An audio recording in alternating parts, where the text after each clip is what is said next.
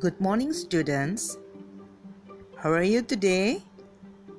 Today, Miss Alita will tell you a story with the title The Greedy Mouse. A greedy mouse saw a basket full of corn. He wanted to eat it. So he made a small hole in the basket. He squeezed in through the hole. He ate a lot of corn. He felt full. He was very happy. Now he wanted to come out. He tried to come out through the small hole.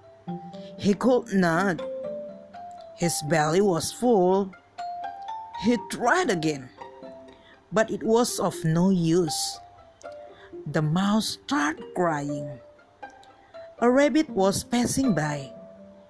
It heard the mouse cry and asked, Why are you crying, my friend?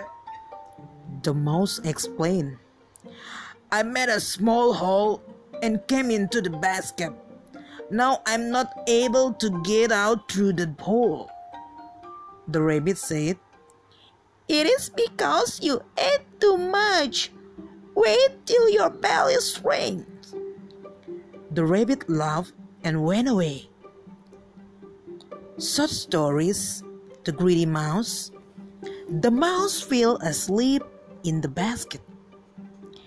Next morning, his belly has shrunk, but the mouse wanted to eat some corn again. So he ate and ate and ate again.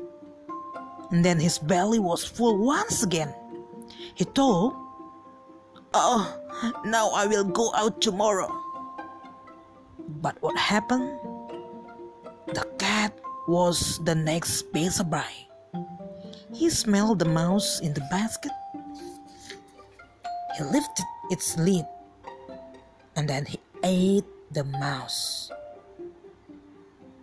The moral value the story is do not be greedy.